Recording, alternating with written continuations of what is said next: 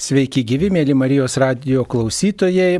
Čia laida Klaus drąsiai ir šioje laidoje dalyvauja kunigas iš Panevežio šventųjų apaštalų Petro ir Povilo bažnyčios, bažnytinės teisės licenciatas ir teologijos daktaras Simas Maksvytis. Garbėzui Kristui. Per amžius amen.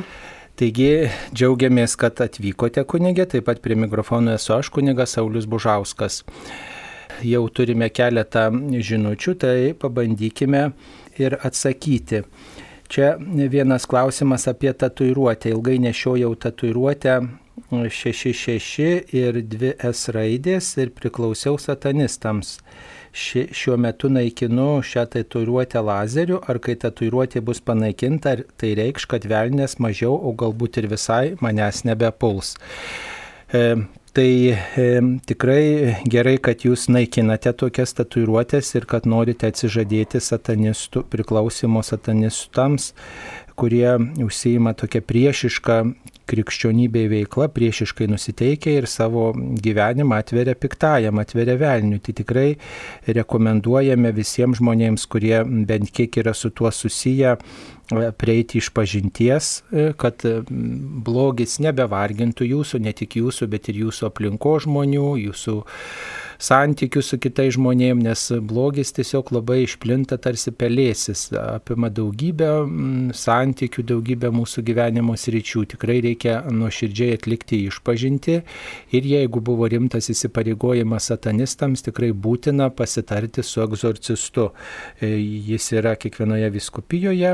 Jeigu jūsų nežinote, koks yra jūsų viskupijos egzorcistas, tai kreipkitės į savo parapijos kleboną arba paskambinkite savo viskupijos kurijon, tenai, tenai pasakys jums, kas yra viskupijos egzorcistas ir pas kurį kuniga geriausiai kreiptis maldos, užtarimo ir galbūt tokio, tokio išlaisvinimo iš piktosios dvasios įtakos. O e, kartais ir neužtenka vieno to apsilankimo, reikia daugybę kartų lankytis, štai kad tas piktasis nuo žmogaus atstotų. Ir žinoma, nepakanka turbūt nueiti pas egzorcistą, kaip daugelį dabar madinga, nuėjau, kunigė pasimelskit, mane apstojo piktasis. Reikia, reikia ir pačiam turbūt tikėjimo praktikomis gyventi, reguliariai eiti iš pažinties, kiekvieną sekmadienį dalyvauti mišiuose, kad mes visą savo dvasinį gyvenimą užpildytume santykių su Dievu, kitaip sakant, nepaliktume skylių, kur piktajam įsiterpti, kad mes nuolat reguliariai išpažintume viešpatį mūsų Dievu, jį remtumės ir, ir, ir tokiu būdu apsaugą nuo piktojo stiprintume savo santykių su Dievu statydami. Kunigė, gal dar ką pridėsite? Ir čia kartu paminėta, ar tai reiškia, kad velnis mažiau manęs lies arba nebepuls, tai netiesa, kad mažiau. Iš tiesų mes žinome, kad e, piktasis nesnaudžia ir ar yra tos tatuiruotės ar nėra. Piktasis ieško įvairių būdų, kelių ir mus išvesti iš Dievo kelio. O visada mums be abejo reikia būti budriems ir visuomet būti ryšėje su Dievu ir tie dalykai, malda, sakramentų šventimas visada mums padeda, kad ta Dievo apsauga pasiliktų ir svarbiausia tikrai palaikyti tą nulatinį santyki maldoj su viešpačiu. Taip, ir dar vienas toks mm, klausimas, tokia žinutė. Mano ir kaip dukros ir mamos santykiai problematiški, tęsiasi daugiau kaip 30 metų. Mama visada buvo valdinga moteris, visada viskas turėjo būti tik pagal ją. Gyvenau visada su savo mama, jau yra užaugę mano pačios vaikai ir jie patys jau yra sukūrę savo šeimas. Ir toliau gyvenu su savo mama, kuri yra šiuo metu ir be sveikatos ir reikalinga pagalbos. Jeigu noriu, kad mano santykiai būtų geri su man artimu žmogum, tai yra su mano mama, turiu būti vos ne kaip grindų skuduras. Ką bedaryčiau, mama visada pareiškia, kad viskas, ką darau, negerai, kas e, mėnesį einu iš pažinties ir vėl žinau, kad turėsiu pasakyti, santykiai yra blogi su mama. Ar kiekvieną kartą turiu tai kunigu išpažinti, dialogas su mama be šansų pas mus būna arba gerai, arba blogai.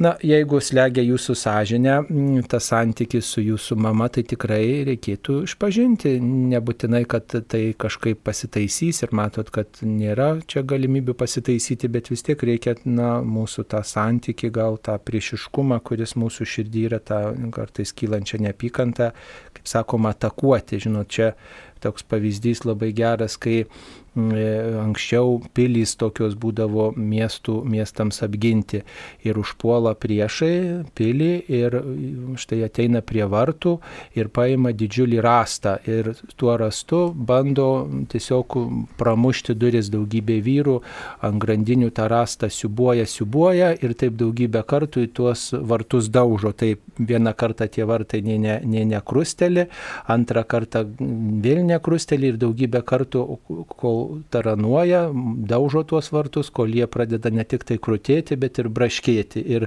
galiausiai, na, galiausiai po daugybės tų daužymų į tuos vartus, jie, jie subyra, jie, jie kažkaip pradeda lūžinėti ir tada puola su visokiais įrankiais tie priešai ir tą pilį pro vartus užima.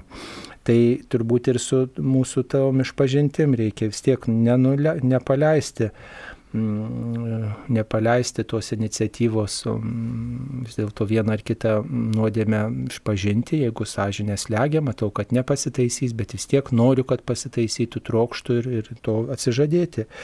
O šiaip tai mm, bandykit su mama palaikyti kažkokį diplomatinį santykį, dabar priimkite mamą kaip mažą vaiką, jau vyresniam amžiui, žinot, kad ir kaip ten bebūtų, tai yra jūsų mama, jūsų šaknis ir tokios ištvermės vis dėlto tam santykiai belieka palinkėti ir aišku melstis už jūsų mamą, kad, kad tas jūsų santykis būtų kuo, kuo šviesesnis. Aišku, nėra paprasti kartais gyvenime santykiai dukros su mama ir e, tuo labiau iš to klausimo panašu, kad vis tiek mama turi ir gal protinę negalę ir kartais tiesiog reikia priimti, kad na, mama neteisingai ir, ir ir dėl kažko kabinėjasi, ir dėl kažko priekaištauja, ir tai priimti tiesiog kaip e, to žmogaus nesuvokimą, lygą. Ir tikrai nereikia galvoti, kad, e, kad po to įvykę tokie susigibrikščiavimai, aš turiu prisimti kažkokią tikrai kaip nuodėmę, reiti iš pažinties ir iš pažinti kunigui būna net, sakyčiau, keista, kai kartais ateina e, 70 metų žmogus ir sako, žinai, kunigėlį mamos neklausiau. Nu, ta mama jau 90 su virš ir Na, aišku, ta mama ten jau, žinoma, iš senatvės kai kurių dalykų ir priekaištų pasako, bet tai nebe tas dalykas, kai reikia tokiame amžiuje pasakyti tokius dalykus ir, ir, ir, ir suvokti, kad, žinoma, mama ir tėtis, jie, kaip ir sako šventasis raštas, nors ir protas jiems imtų silpnėti, mes esam kviečiami juos mylėti, juos gerbti, puoselėti ir, ir, ir branginti. Ir, bet kas, kas tik nutiktų, žinoma, mes juos turime su meilė priimti, bet aišku, kartais reikia ir kantrybės priimti jų nepasitenkinimus, priekaištus. Bet žinoma, jie ir pasako tikrai teisingus ir pastebėjimus ir, ir, ir įsiklausyti, kas teisinga, bet kas tikrai pro šalį, tai tiesiog priimti kaip mamos tikrai nesuvokimą. Taip, ačiū, mums paskambino. Klausytojas Juozas. Taip, Juozai, klauskite jūs eteryje. Juozai, klauskite jūs eteryje. Garbė Jėzui. Per amžius. Garbė Jėzui. Per amžius amen. Norėjau klausimą tokį. Tai prašau, klauskite. Reiškia, anksčiau buvo septynios didžiosios nuodėmės, dabar aš nežinau, kiek jų liko, sako, penkios. Na, dar, ir žinot, dar vienas klausimas turiu. Anksčiau skaičiau, kad buvo nuodėmės keturios, kurios šaukėsi dangaus keršto. Na, paskui sako, da, sakydavo, dangus nekeršina. Tai visgi vis dėlto vis tiek jos niekur nedingo, tos nuodėmės, buvo nuodėmės, jos kažkur tai turėtų būti, bet aš, aš ir šituose maldaknygėse žiūrėjau, bet jų visai neparašyta, net septynių didžių nėra ir apie šitų, ir šitų keturių nėra, tai kaip tiem tikintiesiems, manau, ne visi tikrai jie žino ir kaip jie žino.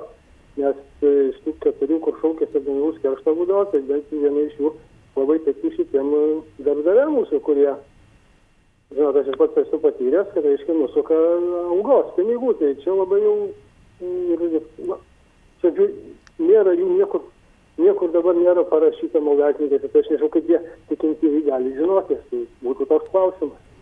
Ačiū.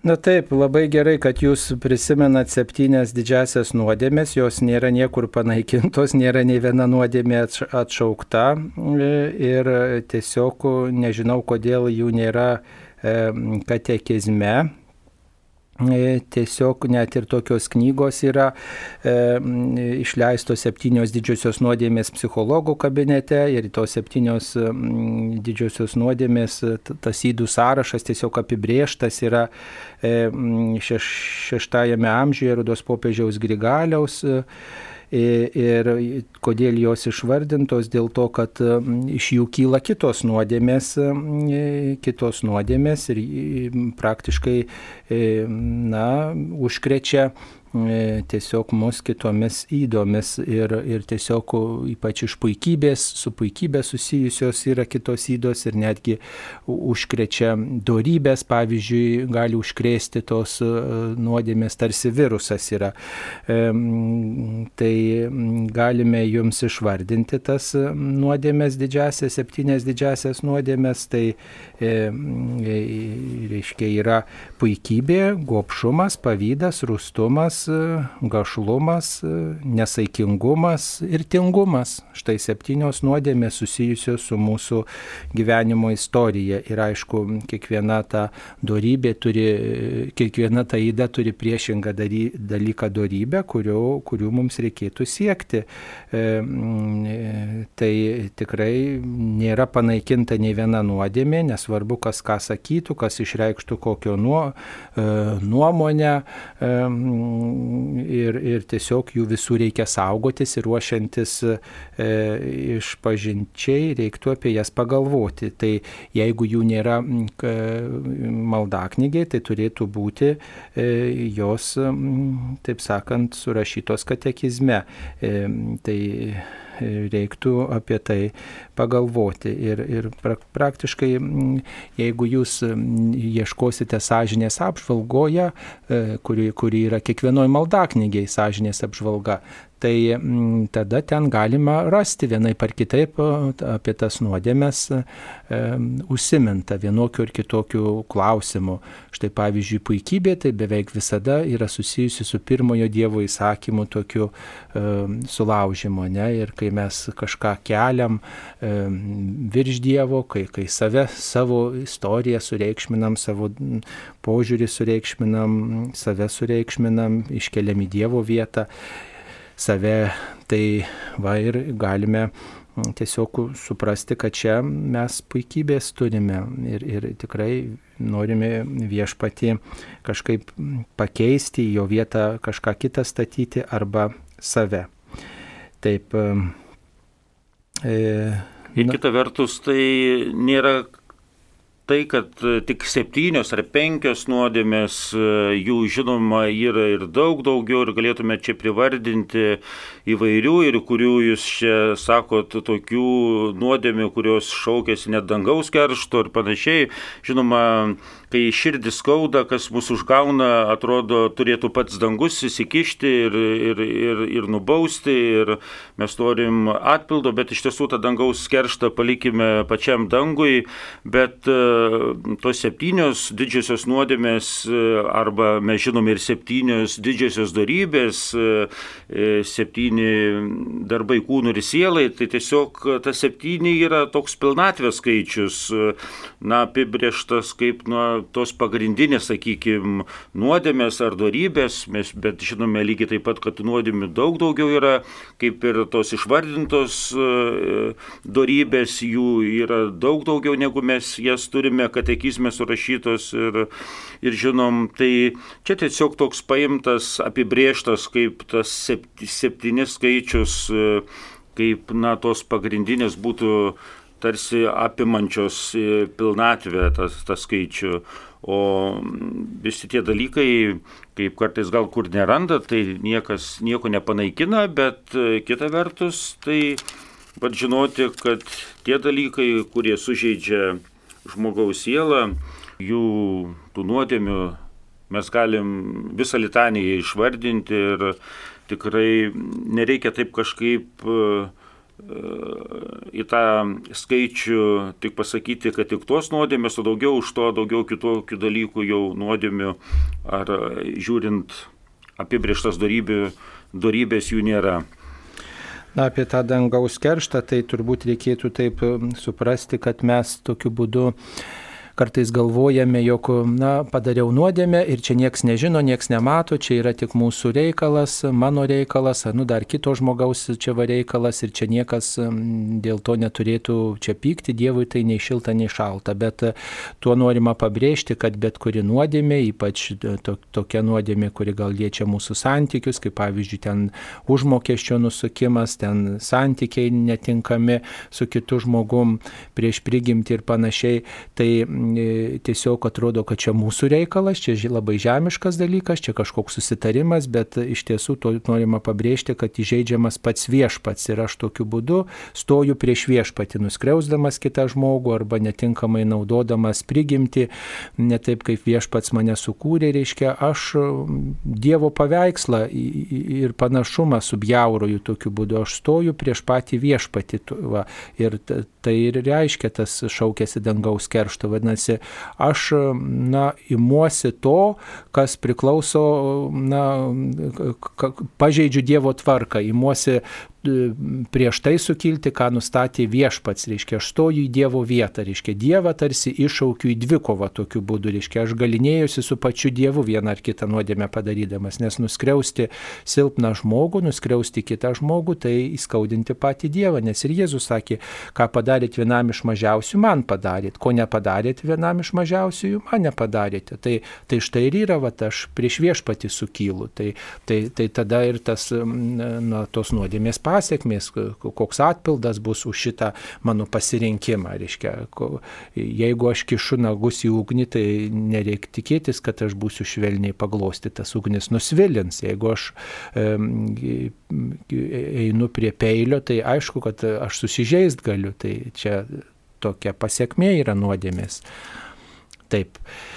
Tai ačiū Jums už klausimą ir už taip Jūsų mintis. Dabar Toliau žiūrime, mums žinutė atsiųsta, e, kur šventajame rašte ir Kristaus mokime pasakyta, kad turime atlikti išpažinti kunigams.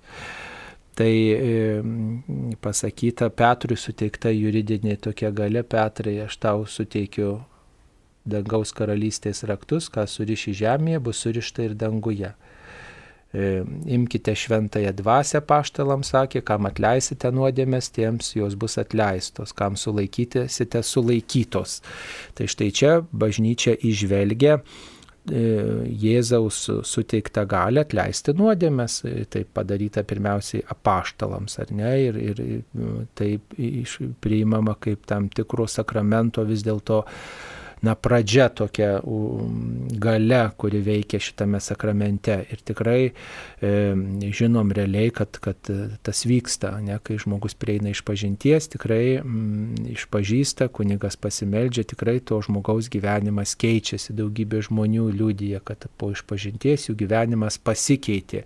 Ir tai nėra tik tai pokalbis, bet tiesiog realiai a, mes patys einam iš pažinties ir galim pasakyti, kad tarsi tokia na, pagalba, tokia apgaubiamas esi žmogus po išpažinties, kai netraukia viena ar kita nuodėmė, kuri iki tol gal kažkaip traukdavo. Tai, tai ta gale reali tokia yra ir, ir, ir galų gale bet kuris egzorcistas pasakys, kad kunigas turi tą galę, dvasinę galę e, prieš piktąjį ir, ir štai kunigas ne, ne, ne šiaip savo savo galę išklauso ir atleidžia nuodėmės, bet e, Kristaus suteikta gale per šventimus, kunigystės šventimus, kurie gaunami malda ir rankų uždėjimu iš vyskupo.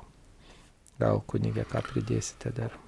Na, iš tiesų esmė pasakyta ir kartais, va būtent įsivaizduoja, kad tai bažnyčios sugalvotas dalykas, išpažintis, atleisti nuodėmės, bet vat, būtent tos paminėtos švento rašto vietos, kad tai pavesta atleisti apaštalams, o apaštalų yra įpėdiniai viskupai, jų padėjėjai kunigai, tai ir iš to suprantame, žinome, kad vat, iš tos Kristaus galios ir yra švenčiamas tas sakramentas ir yra gale atleisti Jėzaus vardu nuodėmės.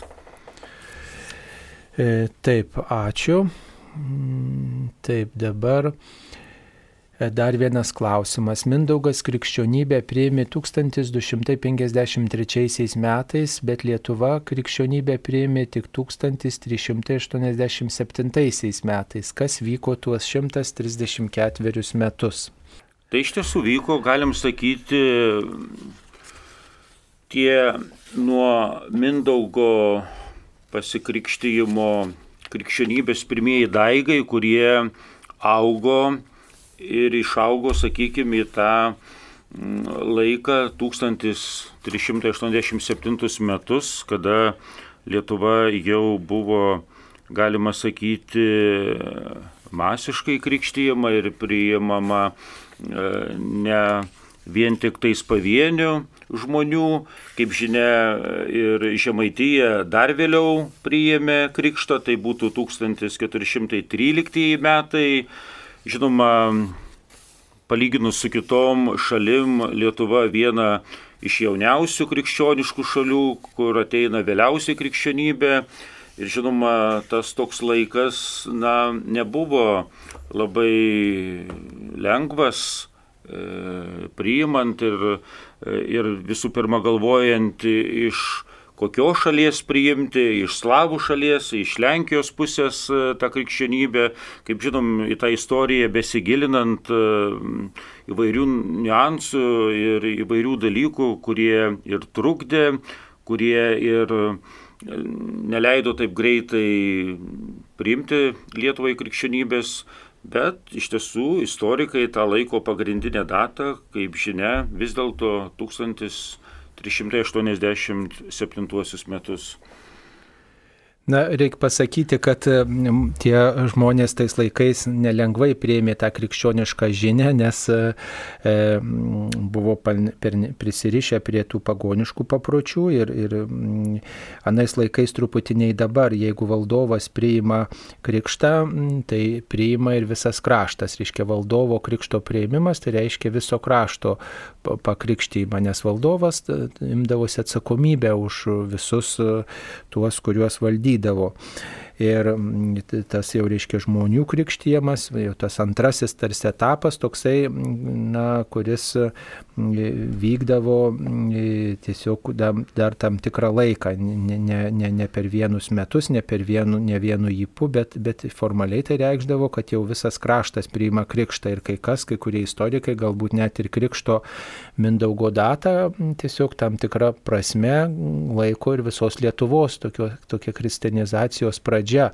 Tai žinoma, kad buvo priešiškų žmonių, kurie gal pavydėjo Mindaugui, kurie kitaip mąstė ir dėl to valdovas buvo nužudytas, o kiti e, įpėdiniai neskubėjo krikšto priimti, tai dėl to tas krikšto ta data ir taip užsitęsė. Va, jo labiau, kad krikščionybė buvo nešama ne tik tai e, tokiu būdu, kokiu dabar jinai skelbiama, bet ir, ir, ir, ir, ir priešiškai nusiteikę žmonės, e, taip sakant, skelbdavo Kristų ir, ir, ir buvo ir kardas kybojo virš tų, kurie nenori būti krikščionėmis. Tai tiesiog čia toks dviprasmiškas dalykas, tačiau reikia įsigilinti į to meto aplinkybės ir mes negalim turbūt vieno istorinio laikotarpio taip e, perkelti į, į, į mūsų dienas, taip kaip ir Jėzus gyveno tam tikrų istorinių laikotarpių, Mindaugas gyveno, mes gyvenam ir jie iš esmės tie istoriniai laikotarpiai skiriasi ir,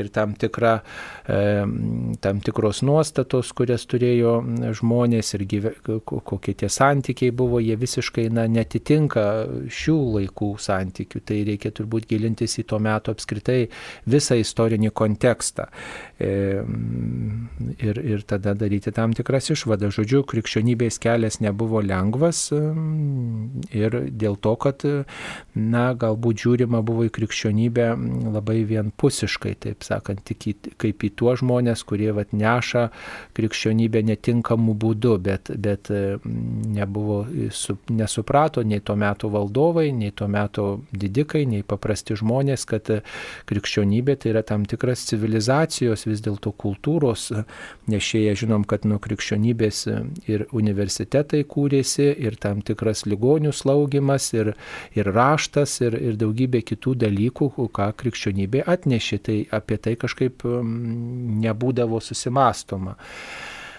Tai dėl to, dėl to tas užtruko laikas, galima sakyti, kad tuo metu žmonės mąstė truputį gal kitaip, negu kad dabar mastome, ne? Visus už ir prieš svarstome visą kitą, o, o tada mąstė truputį kitaip, bet, žodžiu, priimkim tą istorinį laikotarpį tokį, koks jis yra, žodžiu, kad ta, ta krikščionybė skynėsi kelią bent keletą kartų įvairiais būdais valdovai suprato krikščionybės naudą ir dėl to e, matom, kad buvo tos pastangos kviesti ir legatus, ir, ir įvairių šalių pirklius, ir mokslininkus į mūsų kraštą, ir, ir norima priimti krikščionišką žinią, bet buvo ir opozicija, kuri tam nepritarė. Mums paskambino. Klausytojas Juozas. E, taip, Juozai, sveikinam Jūs, Jūs eteryje, klauskite. Per amžius. Tas pats iš Kauno. Nu, tas dar vieną klausimą labai norėčiau apie, apie stigmas. Ar tai tik žinau daugiau, ar tai tik pas katalikus šitos dalykas, ar pas moteris ir vyrus gali būti, ar, ar reiškia. Tai vat, šito norėjau paklausti ir norėjau paklausti, ar būtų dar kartojama, jau šitą laidą šiandien bus kartojama. Tai tiek, dėkui jums sudė. E, tai laida bus kartojama, e, kaip įprasta, e, jos kartojimo laiku, o, o dėl stigmų, tai galim pasakyti tikrai yra labai įdomus dalykas, turbūt paskutinis žinomiausias stigmų turėtojas Tai e, buvo tėvas Pijus, reiškia, kuris e, ir apie Lietuvą yra, e, yra pasisakę, žodžiu, nes jie aplankė lietuviai pranciškonai, klausė ir apie pranciškonų ordiną, ir apie Lietuvą, tai žodžiu, jis turėjo ne tik stigmas, bet ir tokią pranašystės dovaną. Tai yra mm, e, stigma, tai yra mm, žaizda, tam tikra dėmė kraujuojanti, kuri negyja ir jinai yra tose vietose, kuriuose Jėzus turėjo žaizdas, tai yra rankose, kojose ir šone. E, mm, tai, žodžiu, e, vienybė su Kristumi vienybė su Kristumi, ypatinga vienybė su Kristumi tų žmonių, kurie, reiškia, yra maldo žmonės, kurie mm, ypač praktikuodavo pamaldumą į kryžių, į, į Jėzaus kančią, reiškia, melzdavosi, apmastydavo. Taip pat kitas dar vienas žinomas stigmų turėtojas tai yra Šventasis Pranciškus Asižėtis. Va, tai čia tokie du žymiausi, bet taip pat stigmos gali būti, istorijoje yra buvusios ir moteriams. Dabar greitosiomis prisimenu tokią Martą Roben e, kuri taip pat turėjo stigmas ir jinai taip pat yra visai neseniai gyvenusi, dabar jau mirusi, tokia mystikė, kuri nieko kito nevalgė, sunkiai sirgdama, tik tai švenčiausiai sakramentą ir buvo gyva. Ir žodžiu, jinai buvo tokia ir dvasinė palydėtoja daugeliu kunigų, viskupų ir žodžiu, taip bažnyčia palaikė savo kančią. Na, tokių, tokių, tokių žmonių buvo, kurie ypatingai artimi buvo Jėzui. Ir kas įdomiausia, pavyzdžiui, iš e, tėvo Pijaus gyvenime, kad prieš mirtį to žaizdos užgyjo, reiškia, jam užgyjo to žaizdos ir, ir reiškia, jis po kiek laiko numirė.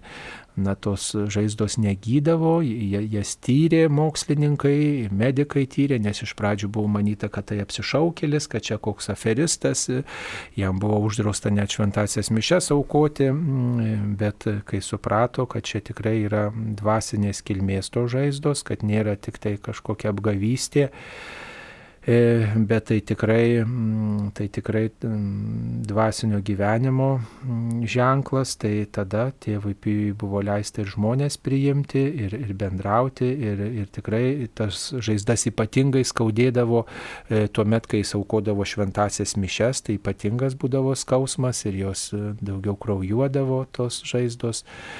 Va, ir Taip pat e, Jėzaus mirties valanda, kada Jėzus mirė ant kryžiaus, taip pat būdavo didesnis skausmas tose žaizdose. Tai, tai apie tai galima paskaityti, žodžiu, tėvo Pijaus ir jį pažinojusių žmonių raštuose. Taip pat paminėtina iš moterų žymesnių šventųjų, būtų viena iš žymiausių Italijos šventųjų, šventoji Rita, kuri turėjo taip pat kaktoje, reiškia, Kristaus tokią žaizdą, dyglį. Ir kartais būna, kad iš tų žmonių turi visas tas penkias Kristaus žaizdas ir net tik rankose, bet ir kojose E, krūtiniai.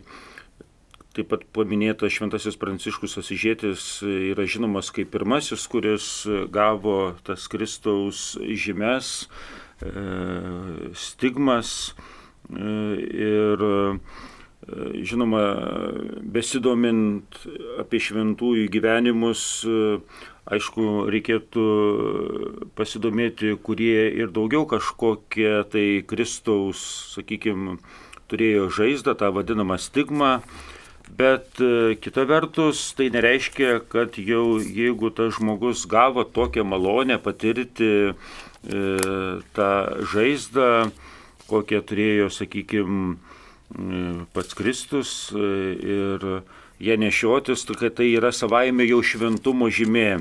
Ir kai pradedamos tos bedifikacijos bylos, Tai ne dėl to, kad tas e, žmogus turėjo, nešiojo kažkokias stigmas ir e, vien iš to savaime žmogus šventas, bet visų pirma žiūrima į to žmogaus gyvenimo visą visumą.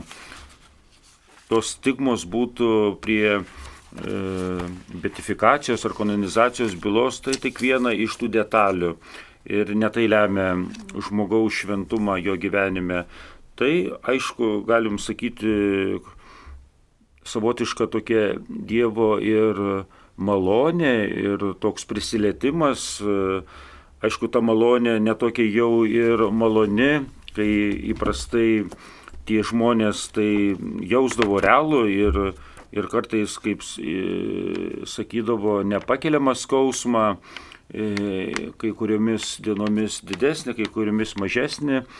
Bet e, iš tiesų įdomus faktas, kodėl pas vienus būtent atsiranda žmonės tos stigmos, pas kurios kitus atrodo ypatingai šventus žmonės, kurie tikrai irgi paliudyja savo gyvenime kažką tokio ypatingo, jie neturėjo tų stigmų. Bet, e, žinot, kiekvieną e, dangus palitėjęs savo būdu, Bet e, vėlgi to žaizdos, tos stigmus, sakykime, tai yra slėpinys ir tam žmogui duota ypatinga patirtis ir malonė. Taip, e, dabar dar vienas toks klausimas, iš kur atsirado tas naujas maldos variantas tikiu su visokiais papildymais, kurį patys kunigai skaito iš lapuko, visa bažnyčia tyli, nes nemoko, nemoka. Tai ar negeriau melstis visiems kartu nuo seno žinoma malda? Tai nėra, nėra naujas variantas, tai yra senas variantas, tik tai mūsų bažnyčioje nėra vartotas. Ir E, kunigas meldžiasi e, visas maldas, net ir kartais tėvė mūsų žiūrite į, į, į mišiolą ir visas kitas maldas skaito, nes e, tokiu būdu tikrai na, yra garantuojama, kad jis, kad jis nesuklys. Tai, nes paskui kunigą, pavyzdžiui, šitą tikėjimo išpažinimą gali melstis visa bažnyčia. Mm, nes kartais kunigas ir jaudinasi ir, ir panašiai, tai žodžiu, kad kunigas skaito, tai dar nereiškia, kad tai yra blogai. Svarbu, kad žmonės netylėtų, bet mm, e, melstusi paskui, paskui kunigą šitą maldą. Aš pavyzdžiui, kartais žmonės ir pakviečiu, kurie nemokate šitos maldos arba esate pamiršę, tai imkite melstis paskui kunigą, kartu kartokite. Kunigas neskubėdamas tarė šitus žodžius ir E, ir galima tada paskui kunigą melstis šitą maldą. Tai yra Nikėjos Konstantinopolio tikėjimo išpažinimas, siekiantis pirmosius amžius, tai e, sena malda, bet o ta mums įprasta malda, tikiu trumpesnė, yra tokia katechetinė, apaštalų tikėjimo išpažinimas, taip, jį yra paprasčiau vartoti, jis lengviau išmokstamas yra, tačiau visuotiniai bažnyčioje yra tas ilgasis, e, kurį mūsų viskupai kviečia melstis dabar bažnyčiose ir, ir kunigas gali skaityti, žmonės gali turėti lapelį lapelius, maldaknygę atsiversti arba, mm, arba kartuoti paskui kunigą. Tai yra visuotinės bažnyčios tikėjimo išpažinimas, pilnesnis ir, ir, ir, ir na, toksai reikšmingesnis galbūt, ta prasme, kad į, įvairiai, įvairiai tą tikėjimą pristato įvairiais aspektais, e, visokius subtilumus pristato, taigi jį reikėtų ir kalbėti. O kai kuriuose bažnyčiose kalbamas tas ir trumpasis. Tai Tai, e, žodžiu, mes esam klusnus viskupams, apaštalų įpėdiniams ir jeigu viskupai visuotinės bažnyčios praktiką nori ir mūsų krašte įdėkti, reikėtų to, to laikytis. O kad bažnyčia tyli, tai čia gal kunigo kaltė, kad jisai neparagina žmonių melstis drauge, bet taip pat ir pačių žmonių gal tas nenoras įsijungti yra tas lengviausia turbūt tylėti, stebėti Va, o, o, o šiaip reikėtų išpažinti tikėjimą, nes kas lūpomis išpažįsta ir širdimi priima, tas e, eina išganimo keliu, kaip sakoma šventajame rašte. Ir tai nėra, kaip kai kas pasako, kad tai naujasis tikėjimo išpažinimas, jis yra savo istorinė prasme pats seniausias trumpasis, tas vadinamas apaštalo tikėjimo išpažinimas yra, galima sakyti, vėlesnis, e, būtent naujesnis, bet e, kaip žinia, visoje visuotiniai bažnyčiai kalbamas jau nuo seno Nikėjos Konstantinopolio tikėjimo išpažinimas, kiek atsimenu, jau Lietuvos viskupai įvedė švenčiant tikėjimo metus 2012 metais, kai prieš tai tik pavienėse viskupijose būdavo kalbama tas ilgasis Nikėjos Konstantinopolio tikėjimo išpažinimas. Žinoma, mums e, nuo vaikystės, nuo katekizmo susipažinimo to laiko buvo įprasta visur kalbėti, jis trumpas, atrodo paprastas, greitai išmokstamas, jau galim ir sakyti įaugęs į kraują ir staiga Pasirodo kitas variantas, aš atsimenu, kiek pradžioje kai kam buvo net savotiškai šokas, iš kur čia tas naujas atsirado, sukurtas, bet iš tiesų jis nuo senų laikų esantis, niekas jo naujai nesukūrė, jis tiesiog mūsų galiausiai buvo priimtas liturgijoje, kaip ir visoji visuotiniai bažnyčiai. Ir dabar, sakyčiau, jau žmonės po truputį vis labiau apsipranta ir tie vaikai nuo pat pradžių jau tą ilgą išmoksta ir nebėra tų tokių, sakykime, sunkumo ar, ar tie dalykai, kurie, sakykime, darytų jau kažkaip nesuprantamą šitą tikėjimo išpažinimą.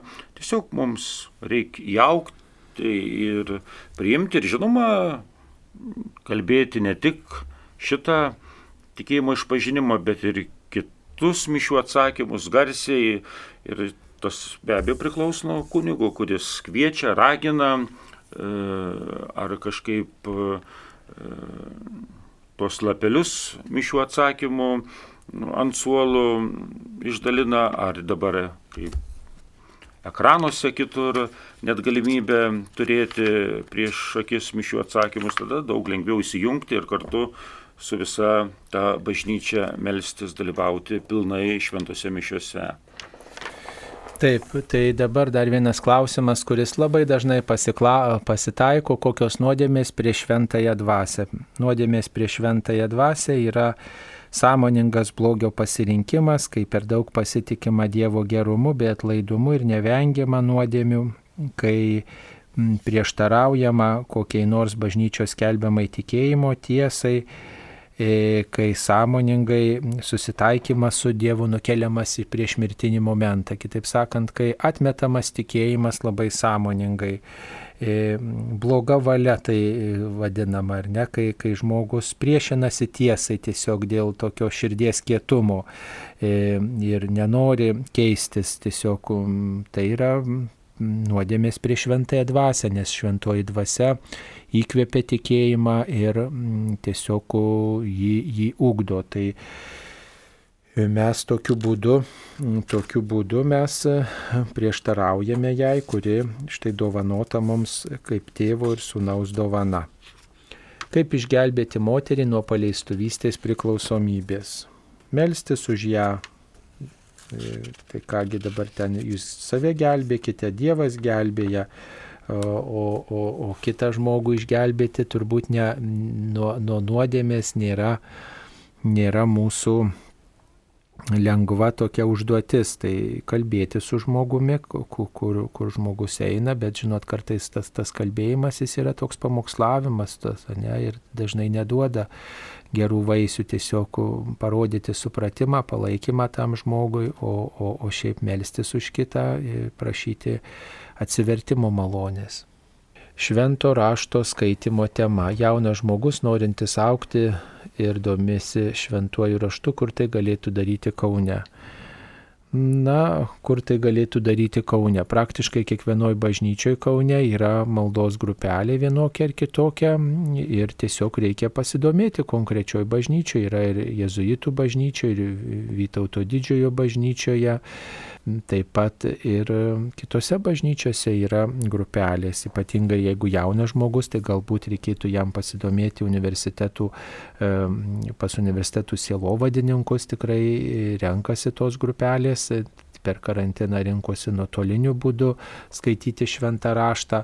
E, pas mus, pavyzdžiui, e, Marijos radijoje, jeigu jūs klausotės Marijos radijoje, kiekvieną šeštadienio vakarą yra pokalbiai prie Biblijos ir kartais grupelės iš E, maldos grupelės, įvairios maldos grupelės ir iš Kauno pristato mm, e, šventą įraštą, jos renkasi, draugė skaito, meldžiasi, tai galima pasiklausyti, kokia štai grupelė pristato ir prisijungti prie jos. Pavyzdžiui, yra tokia Marijos mokykla, pranciškonai, e, kapucinai ją palydė, reiškia Petrašiūnuose jų mm, bažnyčia, kurioje jie darbuojasi, tai tiesiog galima ten pasidomėti, ten yra įvairiaus amžiaus žmonių, ateina ir skaito ir, ir tiesiog yra maldos e, grupelė tokia, kurie ugdo savo tikėjimą ir kitiems tikėjimą liūdė. Taigi e, reikia tik tai domėtis. Tai vad pokalbė prie Biblijos tai yra būdas sužinoti, klausytis šitos laidos ir sužinoti, kur kokia grupelė yra, pasiklausyti jų ir tada ieškoti tos grupelės kontaktų tiesiog, kuri, kuri jūs sudomintų. Tai ačiū, kad jūs domitės ir kad jūs ir kad jūs norite pažinti šventą raštą ir drauge, drauge melstis. Taip, mums paskambino. Jonas iš Vilnius. Taip, Jonai, klaus, per amžius. Noriu paklausti drąsiai Prašau. e, apie šventą raštą. Kaip čia taip išėjo, kad e, viešpas Dievas e, Sodomos mieste nesurado dešimties teisiųjų, daugia tūkstantiniam Sodomos mieste? Na, kunigai labai mėgsta sakyti, kad Jėzus dar nebuvo atpirkęs pasaulio, tai iš kur ten bus tie dešimt teisiųjų. Bet Sodomos miestą Jėz, Dievas nubaudė ne už tai, kad Jėzus jo nebuvo atpirkęs, o už e, Sodomijos nuodėmę.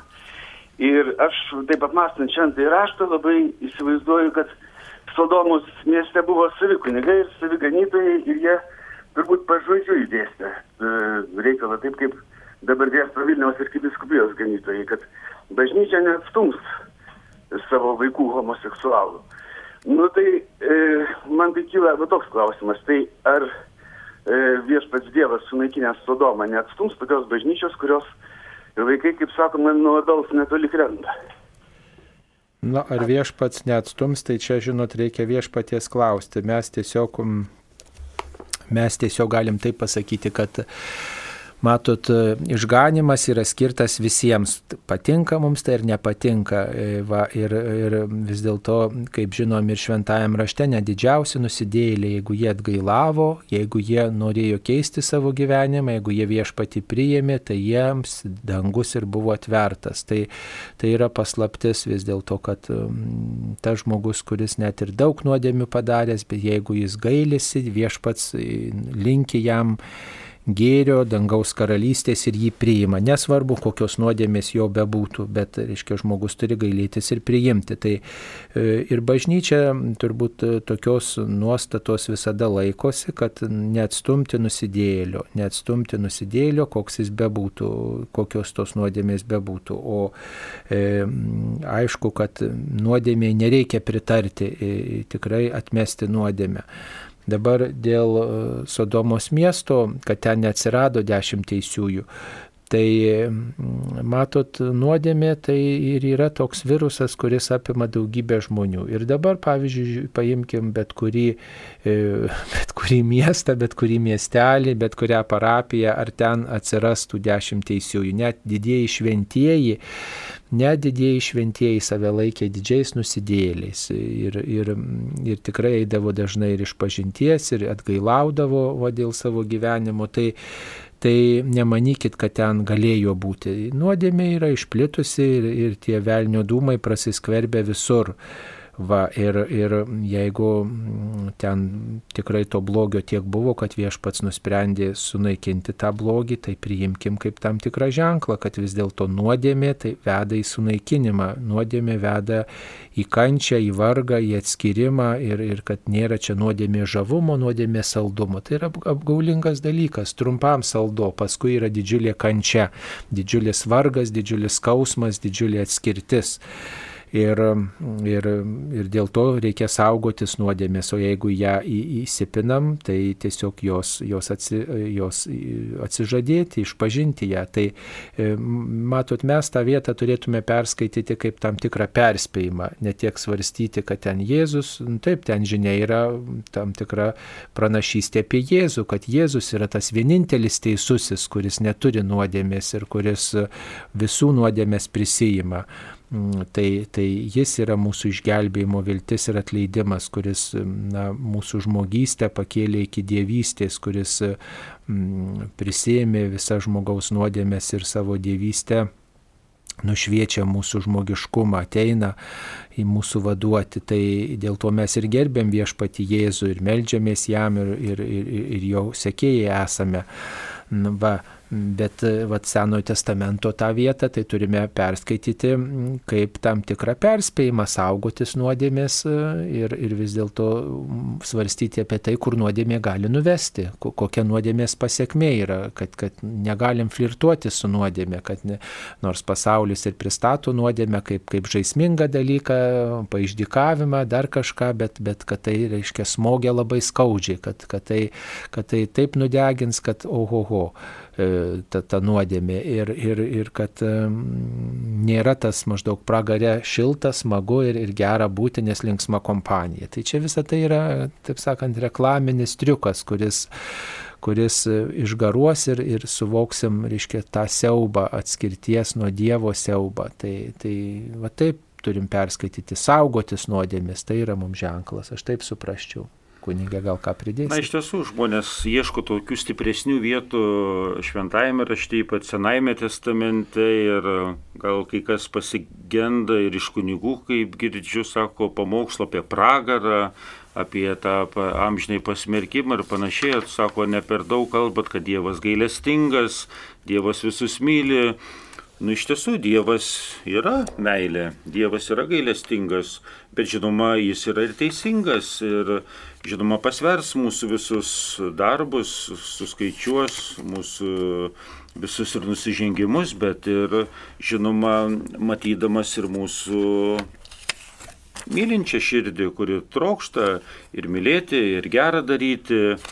Ir žinoma, dabar vat, vat tie dalykai, tie to, tokie klausimai, vat, liečiantis, ypač kai dabar visuomenė yra įjautrinta, diskutuoja ir, ir, ir kad čia vat, tie turėtų dalykai būti išraunami su šaknimis ir be jokio gailėščio ir panašiai, bet iš tiesų mes turim žiūrėti į kiekvieną nusidėjėlį, į tą, kuris vertas Dievo gailestingumo ir žinoma jį kviesti pakelimui, atgailai ir nepritarti nuodėmė, ir bažnyčia niekuomet nepritarė nuodėmiai, bet visuomet siūlo tas išganimo priemonės pakilti ir panašėti į Dievą. Tai visuomet va, tas ir, galim sakyti, išlieka tas toks dalykas, kai atrodytų, kur čia riba ir kur čia turėtų būti be gailėščio žiūrima į žmogaus nu, nusikaltimus, kur su gailėščiu, na ir prasideda tų ribų kartais nustatymas, bet e, visuomet žiūrėti tomis tikėjimo akimis ir ir Dievo akimis, kad mes esame jo kūriniai ir kad mes esame skirti kiekvienas išganimui. Tai, na, ten, kur yra blogis, mes ir sakom, įvardėm, kad tai yra nuodėmė, blogis, o ten, kur galim visuomet ir pakilti ir būti Dievo artumoje, mes visuomet kviečiam ir kad žmogus būtų pakeltas arčiau viešpatės. Taip, ačiū. Dar viena žinutė. Kalbėjau telefonu apie mėnesį su Jehovos liudytoje, dabar neturiu ryšio su ją, ar galėjo man pakengti. Na tai priklausomai nuo to, kiek jūs atsiverėt kitų religijų išpažinėjams, kiek jūs įsileidžiat jų nuostatas į savo gyvenimą ir kiek jūs laikotės krikščioniško nusistatymo, kiek jūs pati esate įsišaknyjusi į, į, į katalikybę, taip sakant, kiek jūs praktikuojate, kiek jūs vat, švenčiate mišes, kiek jūs sakramentus švenčiate, kiek jūs melžiatės, kaip jūs vat, priimat bažnyčios nuostatas, ar taip maždaug, ai, tai čia galima ir vieno, ir kito, ai, tai čia nesvarbu, Dievas vienas, čia galima visokiais būdais, tai tada aišku, kad ir kitos nuostatos požiūrė į Dievą gali mūsų santykiai su Dievu, koks jis bebūtų silpnas, jį atmiešti, jam suteikti tam tikros reikšmės. Ir, ir mes, jeigu domimės kitomis religijomis, neturėdami e, šaknų vienoje, tai žinoma, kad yra pavojus padaryti mūsų tikėjimą tokie, tokie, tokį kokteilį, tokią mišrainę. Mm, tai čia yra pavojus toksai, kad mes priimam įvairias įtakas, neturėdami savo stuburo. Niekas nesako, kad negalima domėtis. Galima domėtis, bet reikia, taip sakant, žinoti, kur yra mūsų namai ir tuos, tuos tuos namus gerai pažinti, santykių su Dievu puoselėti.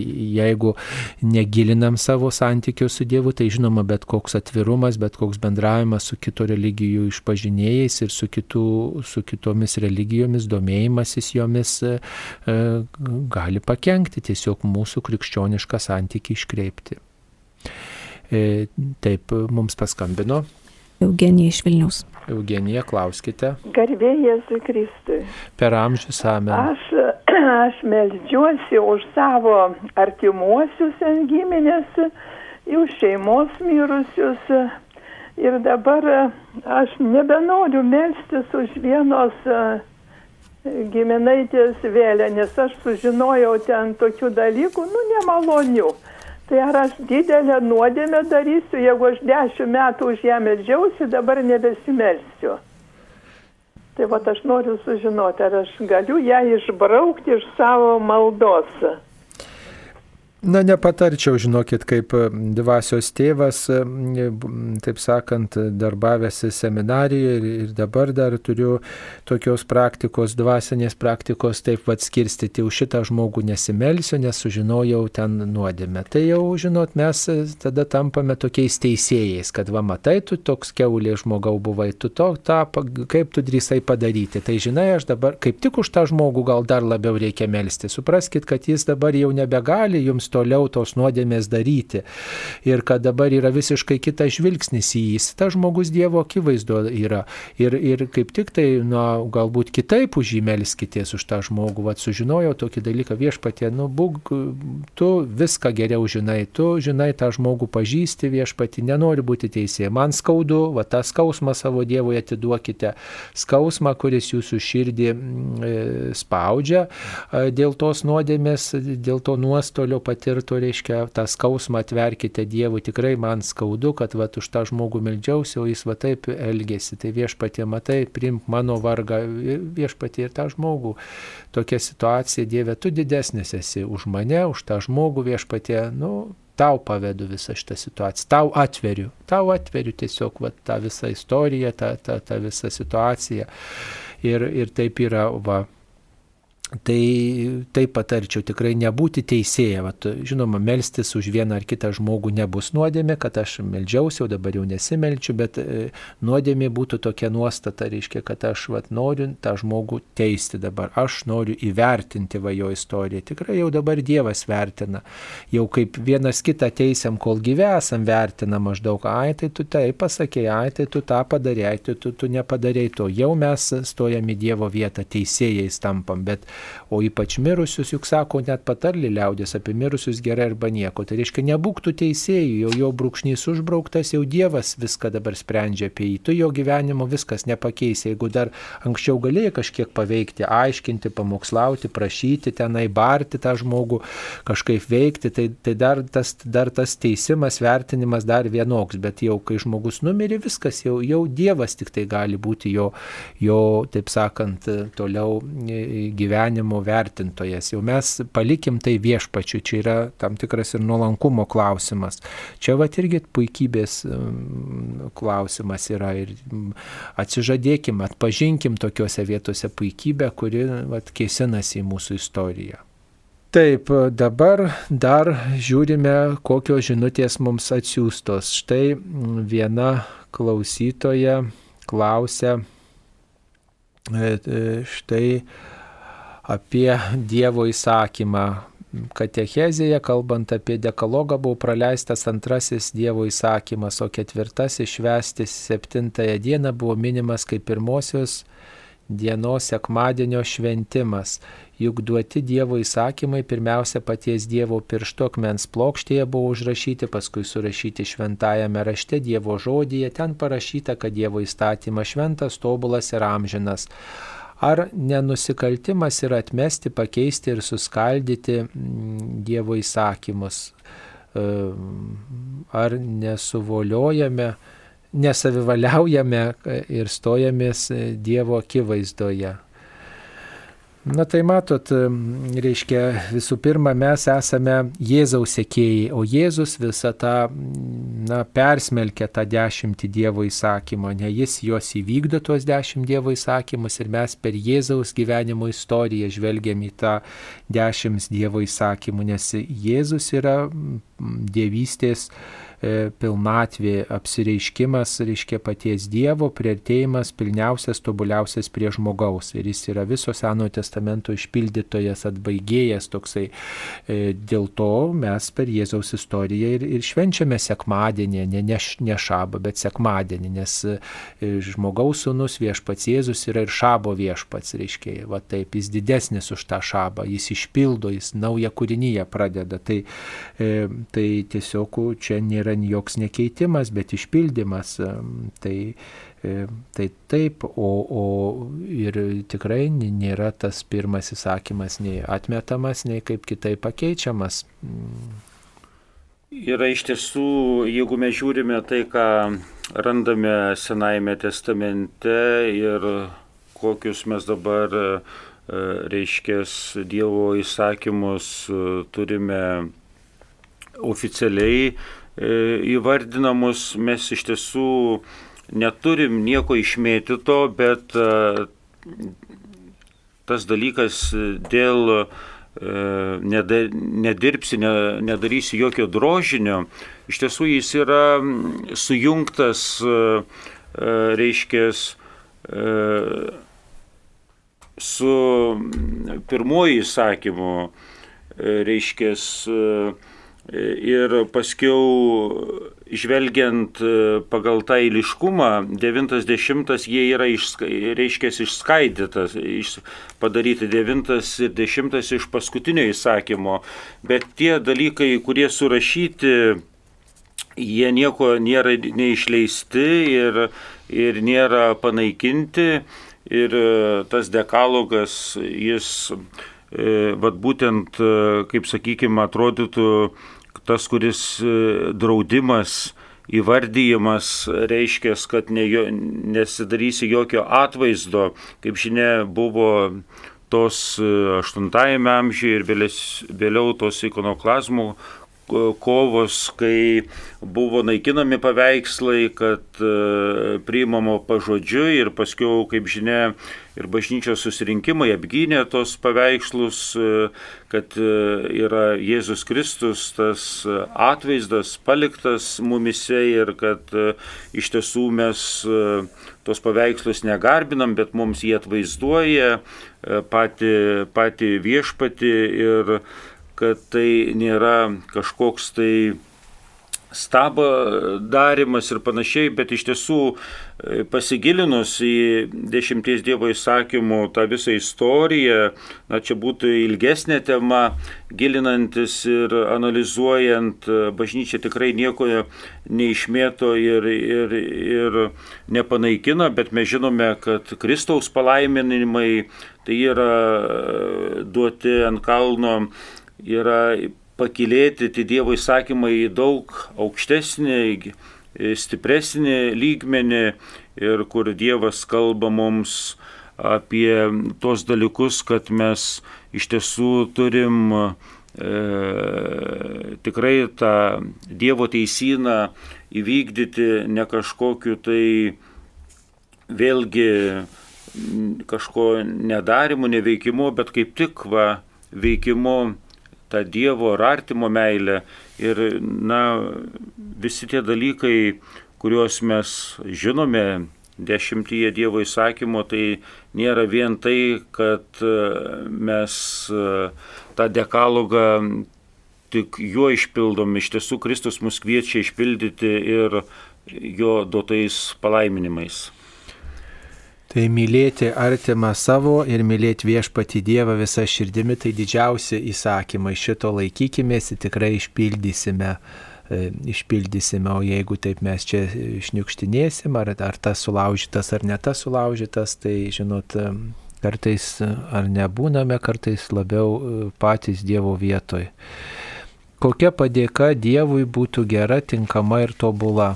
Kokia padėka? Jeigu nuo širdį padėka, visų pirma, kai mes iš širdies dėkojam Dievui už tai, ką turime, tai yra tobula padėka, nesuinteresuota padėka, e, kai mes e, nieko daugiau neprašome, o dėkojam Dievui, mes kartais ta padėka yra ačiū, bet suteik dar daugiau.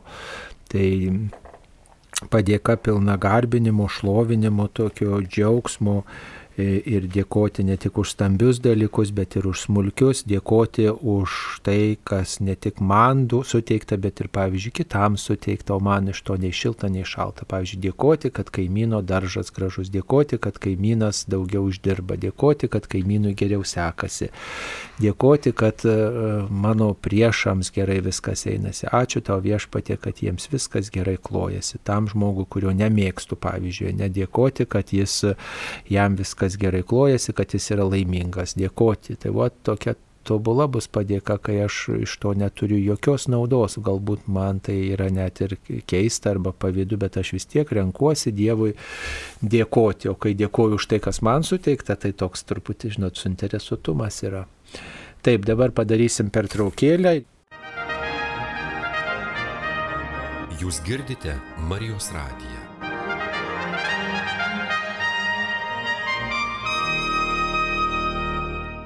Taigi po pertraukos vėl esame studijoje. Šioje laidoje dalyvauja kunigas iš Panevežio viskupijos Šventųjų apaštalų Petro ir Povilo bažnyčios, kunigas bažnytinės teisės licenciatas, teologijos daktaras Simas Maksvytis ir aš, kunigas Saulis Bužauskas. Taigi tokia žinutė, popiežius sakė apie naują žemę ir naują dangų, Norim, kad paaiškintumėte apie pasiruošimą pagal Jono prieiškimus, kad badas bus netikras, kad badas bus, netikras pranašas tarnauja žvėriui, čipus dės, beveik visi dėsis, pragaras grės, jūs atsakote už tikinčiųjų sielas, kad nepražūtų. Na, mes atsakome, mes tengiamės skelbti katalikišką tikėjimą, skelbti krikščionišką žinią, o kiekvienas iš dalies mes patys esame atsakingi už save. Ir, e, žinot, e, radijas e, gali būti išganimo įrankis, išgelbėjimo įrankis. Mes skelbėme žinę, skelb, stengiamės skelbti kuo objektyvesnę žinę, nepapiktinti, neįskaudinti ir likti ištikimiems katalikiškai tradicijai. Marijos radijas nėra nei viskupų konferencijos, čia, e, kaip sakant, e, įrankis ar kažkas, bet mes bendradarbiai esame ir visi stengiamės, kadangi esam katalikai, stengiamės bendradarbiauti. O dabar tas naujas dangus ir nauja žemė tai yra mm, toks įvaizdis, kuris kalba, kuris kalba apie dangaus karalystę. E, ir tai yra simbolis, turbūt nereikėtų to pažodžiui suprasti, kaip ir daug ko šventajam rašte, nereikėtų pažodžiui priimti, o žiūrėti tokios gilesnės prasmės. Tai reiškia, kad bus perkeistas pasaulis, bus perkeista kūrinyje, reiškia, bus kitokia negu kad mes dabar matome, bus kitoks žmogus. Ir, na, tai tiesiog yra pažadas laukti didesnių dalykų ir tiems atsakingai ruoštis, o ruošiamės, ruošiamės turbūt laikydamiesi viešpatie žodžio, gyvendami taip, kaip viešpats kviečia. Va, aišku, badas gali būti, žinoma, gali būti kaip ruoštis, na tai atsargų neprisiruoši visam gyvenimui, aišku, visada yra gerai turėti šiek tiek atsargų, tą e, pasakys bet kas, e, ekonomistai bet kokie sakys, kad ir valstybės, ir žmonės turi turėti šiek tiek, bet klausimas, kuo pasitikiu, ar tomis atsargomis, ar Dievu, nuo kurio priklauso visas mano gyvenimas. E, apie tuos čipus, apie tarnystę žvėriui Tai čia yra daug visokių samokslų teorijų. Visų pirma, tam svarbiausiai e, vis dėlto tam nepritarti savo širdį, savo nuostatose, o, o, o išpažinti viešpatį vieną Dievą ir laikytis to tikėjimo, kurį prieimėm, stengtis būti ištikimiems Kristui. Ir tada tai yra svarbiausia, o kad jūs ten prievartą sučipuos, kažkas pažymės, kažkas kažkokį ženklą jums padės, jeigu jūs savo širdį laikysitės nuostatos Dievui tarnauti, tai joks ženklas to, to vis dėlto jūsų gyvenime na, neišdildys, bet sąmoningai priimti kažkokį ženklą. Nereikėtų dėl to bažnyčia ir nepritarė tatuiruotėms, pavyzdžiui, ne, daug jaunų žmonių dabar daro tatuiruotės ir kas keiščiausia tose tatuiruotėse yra rytietiški motyvai, kurie tam tikrų sąsojų suri, suri su rytietiškom religijom, su rytietiškai ženklais, su, su drakonais visokiais, kurie nu, tokia aluzija yra į blogį, į priešiškus dalykus. Tai kai ženklinam savo kūną ir neturim kažkokių tikėjimo praktikų, nesilaikome viešpaties nuostatų, nesilaikom bažnyčios mokymo, nelaikom save aktyviais katalikais, bažnyčios nariais, na tai tokiu būdu ir yra tas tarnavimas žvėriui, nors tai ir atrodo, nu, labai gal skamba netikro, nu, ne, kažkaip labai fantastiškai, čia senamadiškai ir kaip, bet mm, tai yra ir yra, jeigu aš kažkokį ženklą leidžiu ant mano kūno braižyti ir dar moku pinigus dėl to, kad tas ženklas būtų braižomas ir tas ženklas nėra nei katalikiškas, nei krikščioniškas, nei, nei dar kažkoks, o, o būtent kaip tik tai antikrikščioniškas, kitų, kitas religijas atstovaujantis blogio simbolis, kažkokią nuodėmę primenantis dalykas, tai, tai ir yra tarnystė piktajam ir kokio dar čia kito ženklo reikia, kai jau patys žmonės tačia galva prašo, kad tie ženklai būtų rašomi. Tai, tai to pirmiausia reikia nedaryti, pačiam nerodyti iniciatyvos, o tada ir, ir saugotis nuo bet kokių kitų, kokios galėtų būti tos iniciatyvos. Svarbu mm, savo tikėjimą e, praktikuoti ir, ir savo širdį saugoti nuo bet kokios nuodėmės invazijos. Mums paskambino. Klausytoja Romalda. Taip, Romalda, klauskite. Garbė Jėzui Kristui. Per amžius amen. Aš žinokit, pirmiausia, tai jau aišku, reikia jūs dėkoti, nežinau, kiek, kaip dėkoti. Viskas, čia labai tos laidos, tokios nuostabios, viskas labai gražu, būna viskas taip apgalvota. Nu, tiesiog, žinot, Vilkaviškį, tai ten, nu, maždaug 14 metų tik tai, reiškia, pradėjom girdėti. Tai jau man tiesiog visa pagoda, visas džiaugsmas, Marijos, Marijos radija. Jau tai pirmiausia, aš labai tikrai nežinau, jau nei kaip čia išdėkoti jums. Nu, va, ir tokius laidos, o te patys tos Lietuvos šviesuoliai, ten paslėptas lobis, dvasia ekologija. Vienu žodžiu, jau čia aišku. Ir dabar aš norėjau tokių dalykų. Reiškia, jūs man gal leisit kokias dvi minutės paskaityti tos žodžius, ar leisit? Nu, jeigu trumpai, stenkitės nu, trumpai, kuo trumpiau. Aš, apie užtarimų maldą, reiškia. Vienu žodžiu, Mėlės aktas, reiškia, padiktuotas, nu, Mėlės kelelis, tas, reiškia, 1935 metais apsireiškimo metu vienuoliai konsulatai Betronai Italijoje. Jisai Jėzus tarė, kad už kiekvieną šio Mėlės aktų kalbėjimą bus sunaikinta net tūkstančiai blogųjų žmonių nuodėmių. Vienas atodusis Jėzau, Marija myli jūs, gelbėkite sielas atsiteisė už tūkstančius keiksmų, girtuoklystės, paleistuvystės, nedorus darbus. Neapleiskite šių mėlys aktų, kalbėkite, nes vienas mėlys aktas yra toks brangus, kaip brangi yra siela. Čia Jėzaus žodžiai. Bus toliau tik tai dar pasakyti. Jėzus išgelbės pasaulį, bet pasaulis turi grįžti prie Dievo per šį mėlys aktą. Kalbėkit, kalbėkit, per šį mėlys aktą bus daug sielų išgelbėta nu ten e, daugiau rašo. Ir, ir man, aš, nu, aš labai jau tą mažą vis, visą tą žinau, tą, tą atodusį Jėzau, Marija myli jūs gelbėkitės, bet kažkodėl tai pas mus nepraktikuoja. Aš per tiek metų vis per Marijos radiją klausau, nu tai gal nu gal ant pirštų skaičiuočiau kokius penkis kartus išgirdau, kad, nu, pavyzdžiui, rožinį kalbant, pridėti Jėzau, Marija myli jūs gelbėkite sielas, o tu dabar kaip tik buvo adoracija iš Šiaulių, tai va ten pasakė, nu tikrai nesunku, čia kiekvienas gali, reiškia, kad aš nežinau, kažkaip nepraktikuoja pas Taip, mus. Taip, ačiū. Šitą. Ačiū Jums, mėloji, kad Jūs taip užsidegusiai kalbate apie šitą maldelę. Tai Žinot, šita maldelė priklauso toms vadinamoms strėlinėms maldoms, strėlinėms maldoms, atsidusėjimams, arba kaip čia moderniais laikais jaunimas ypač yra tokį gražų terminą sugalvojęs, tokį žaismingą, sako, Dievo murmelės, tokios yra trumpos maldos, kurias galima dažnai kartoti.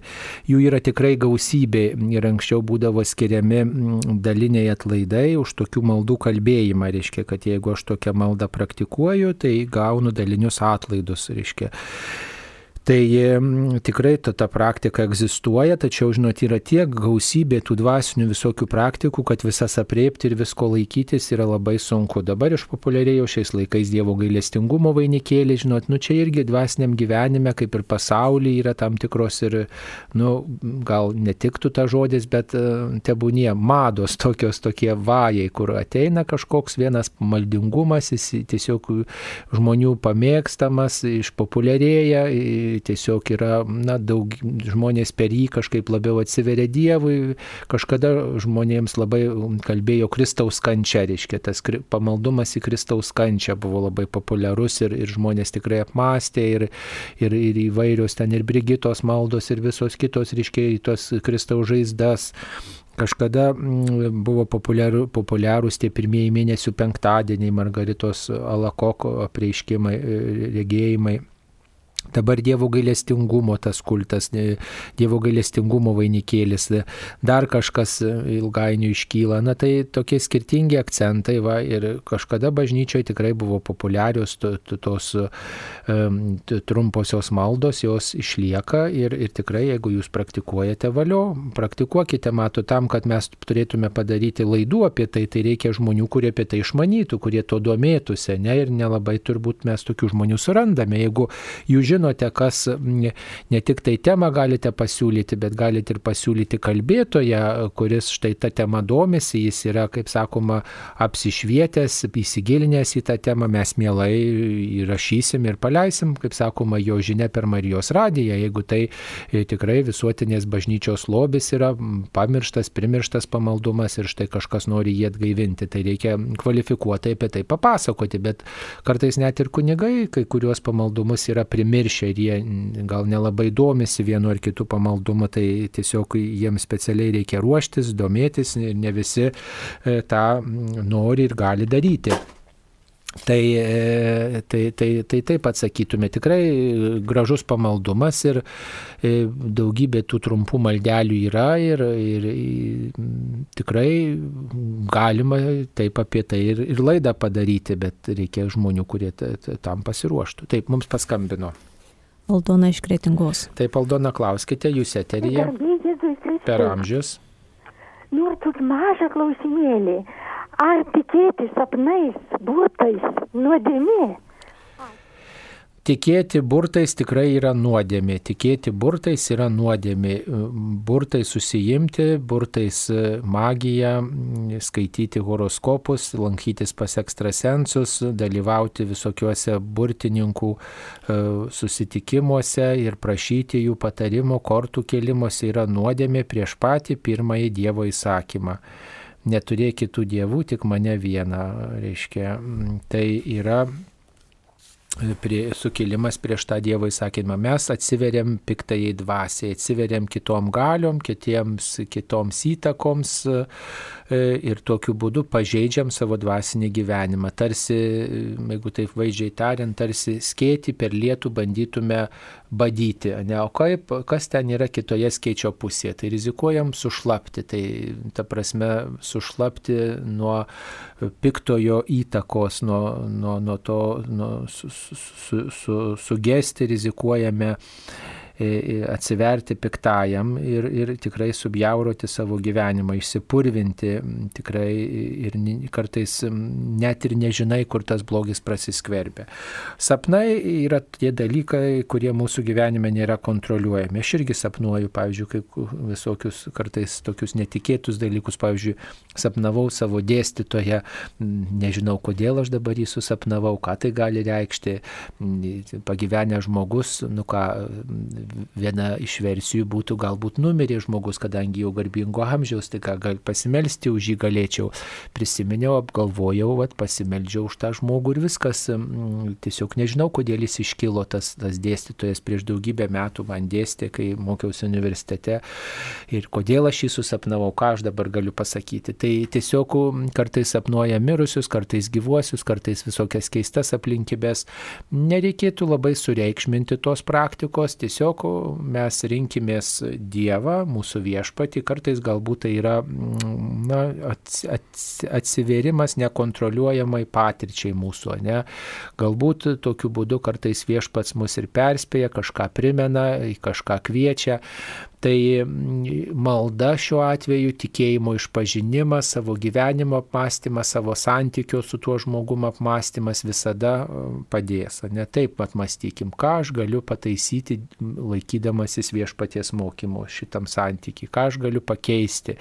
E, galbūt reikia tam žmogui paskambinti, gal pasidomėti juo, gal pasimelsti už jį gal apmastyti kažką, kas netai buvo mano santykiai, gal ten buvo nuodėmingo kažko, nuodėmė kokia. Ir, ir tai tokiu būdu panaudosiu tą savo patirtį artėjimui prie Dievo, savo sąžinės nuskaidrinimui, savo santykio su Dievu tokiam ištyrinimui. Tai va, tai ta prasme, o ten pažodžiui priimti, aha, taip pasapnavau taip, tai bus taip arba priešingai, taip nebus. Tai čia irgi būtų jau tam tikras meldystė, tam tikra netinkama e, tokia mm, praktika polinkis. Vis dėlto tai yra mm, proga mums santyki su tuo žmogum apmastyti ir Dievo šviesoje spręsti. Žinoma, mes sutinkame sapnus e, šventajame rašte ir e, žinome tas vietas, kai Dievas veikia per Juozapą, kad apsaugotų Mariją ir kūdikį Jėzų. Ir um, atrodytų, kad uh, gali panašiai veikti per sapnus ir mūsų gyvenime kažkas, bet uh, iš tiesų bažnyčia žiūri į tokius visokius sapnų aiškinimus ir sapnininkus uh,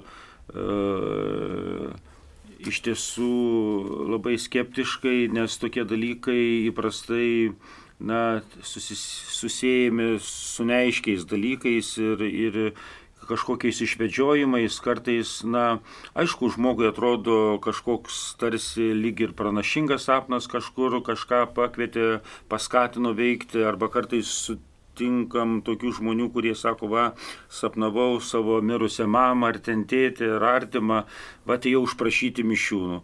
O tai sakau, jeigu nesapnuotumėt, ką jau mišių užprašyti nebereikia, tai, nu, nereikia. Nu, tai, va, gal kartais tie dalykai žmonės kažkur paskatina, bet vat, žmonėm aiškini, kad e, nesapnuose Dievo kalbėjimas, o jo yra E, žodyje, Dievo žodyje, kai Jis mums kalba, kai Jis mus kviečia iš tiesų būti su juo ir todėl e, būti mums ypač budriems su tais visokiais sapnais, jų aiškinimais, juolab burtais ir kitokiais magijom ir panašiais dalykais jau tiek ir tiek e, kartų egzorcistai yra kalbėję, kaip žmonės tokie dalykai supainioja ir susuka jų mąstymą ir nutolina nuo tų dalykų, kurie iš tiesų mums yra reikalingi priimti tą kalbantį gyvą į Dievo žodį ir, ir, ir, ir panašiai. Na, dar e, to pačiu priminsime, kad tie, kurie turėjo kažkokių burtų, magijos praktikų, skaitėte horoskopus, e, reikėtų apie tai vis dėlto išpažinti, E, pasakyti išpažinti, tiesiog to atsižadėti kunigo, kuris štai Kristaus vardu jums atleis ir Kristaus akivaizdu tokiu būdu atsižadėti tos praktikos. Tikrai tai yra rimtas dalykas ir tokiu būdu jūs užkirsite blogį, kuris jūsų gyvenime vienai par kitaip ga, gali veikti. Tikrai tai pažiūrėkite labai atsakingai. Mums paskambino. Klausytoja Irena. Taip, Irena, klauskite jūs eteryje garbė Jėzui Kristui. Per amžius. Noriu padėkoti gerbiamams kunigams ir kunigui Saulė ypatingai dėl Marijos radijo puikiomis laidomis ir, ir kartais paded, pradedu žiūrėti, kartais ir net skeptiškai, nu vienu žodžiu priklauso irgi nuo, nuo daug ko žmogui. Norėčiau paklausti tiesiog, kokia jūsų nuomonė apie šiomis dienomis demonstruotą filmą? Jaunasis popiežius ir naujasis, nu, atvirai pasakius, prieš miegą šitą žiūriu, žiūriu filmą ir kartais net pagalvoju, suprantu, kad tai tam tikra, nežinau, galė, gal galėčiau išgirsti ir jūsų nuomonę jeigu patogu. Na, nuomonė kokia, kad tai yra vis dėlto tam tikro režisieriaus išmonė ir tai prasilenkia su bet kokia tiesa. Aš tai tikrai nežiūriu to filmo ir, ir nenoriu, kaip sakant, ten gaišti laiko. E, visų pirma, todėl, kad tai gal priešiškai truputėlį nuteikia bažnyčios atžvilgiu, kad tai pabrėžia kažkokią bažnyčios įdą, nu, tai yra meninis filmas, supranta, tai yra režisieriaus išmonė.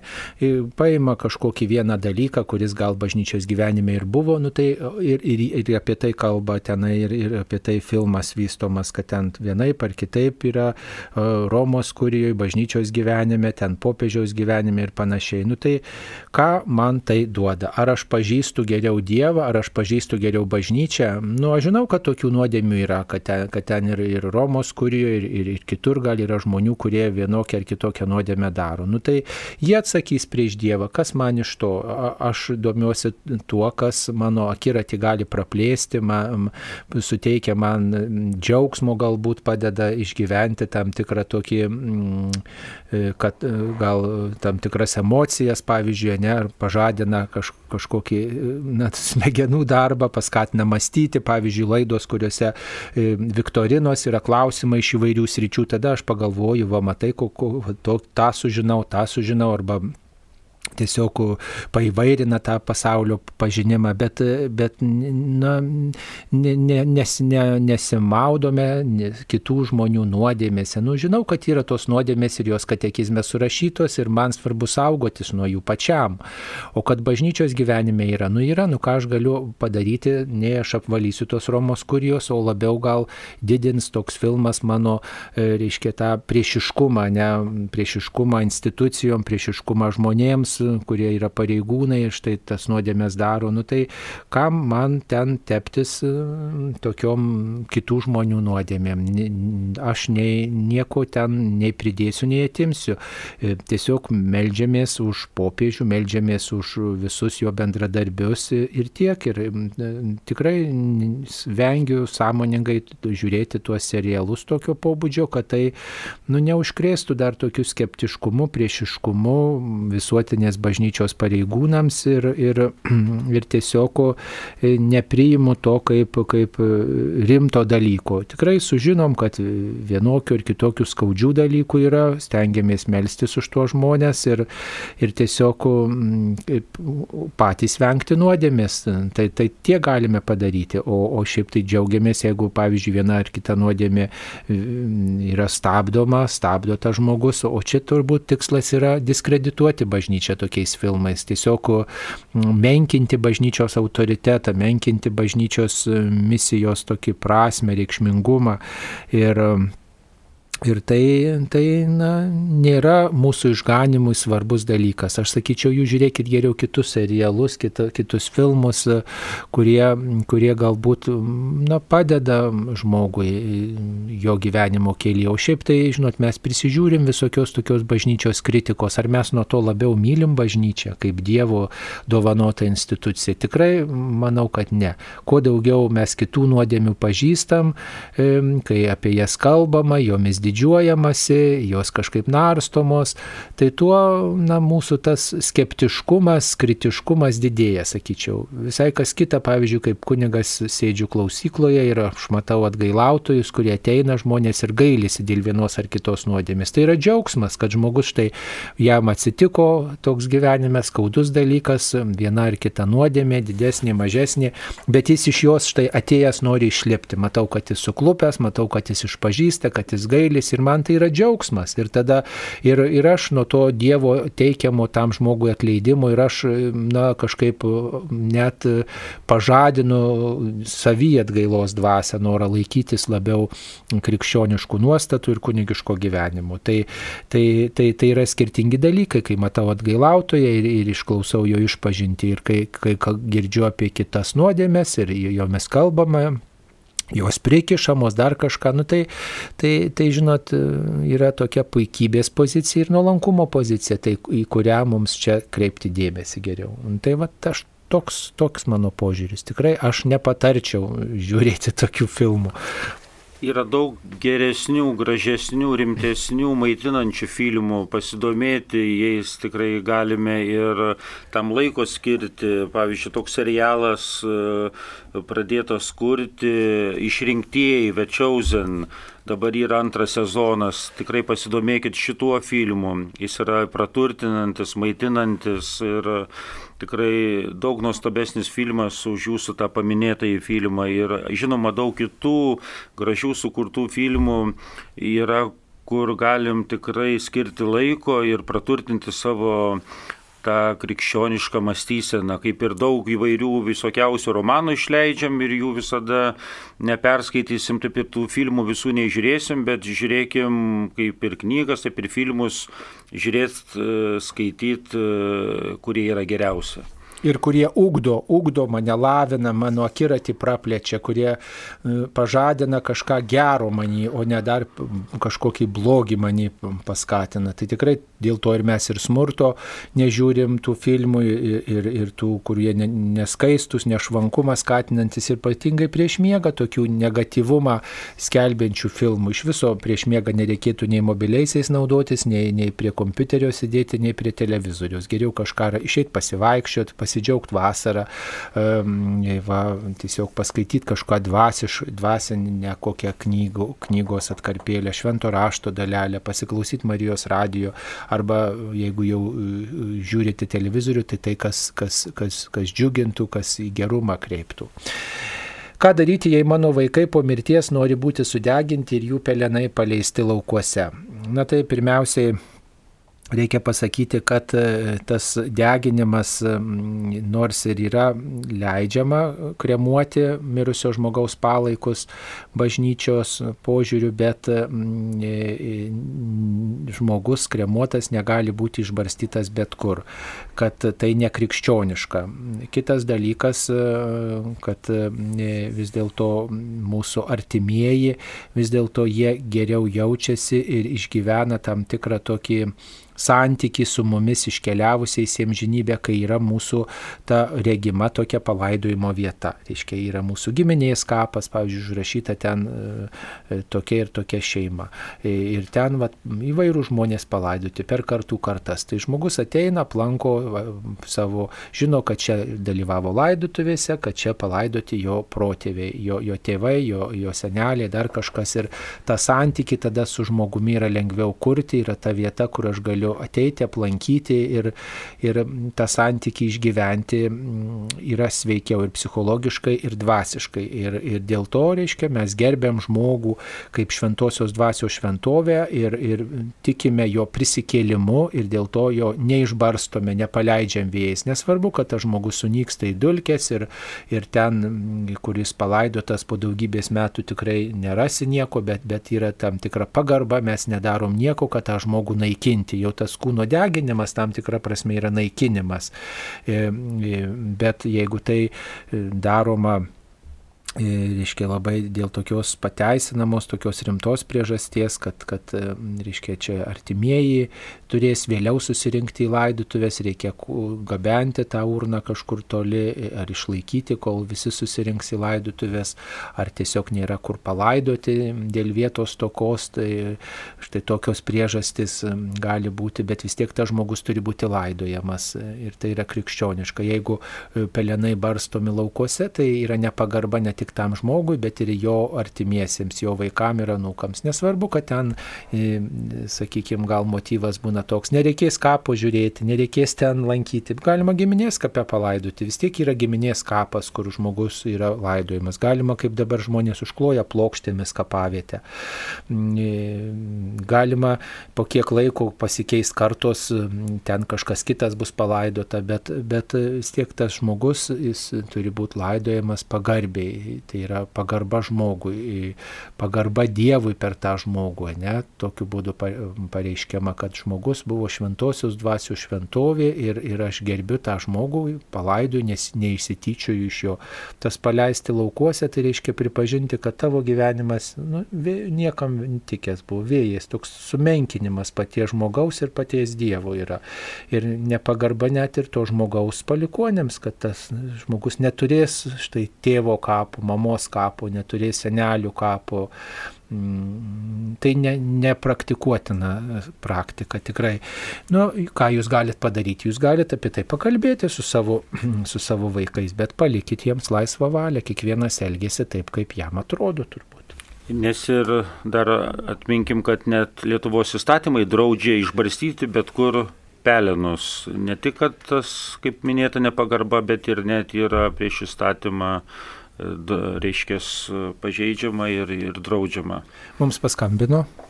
Simona iš Vilnius. Taip, Simona klausia. Per amžius.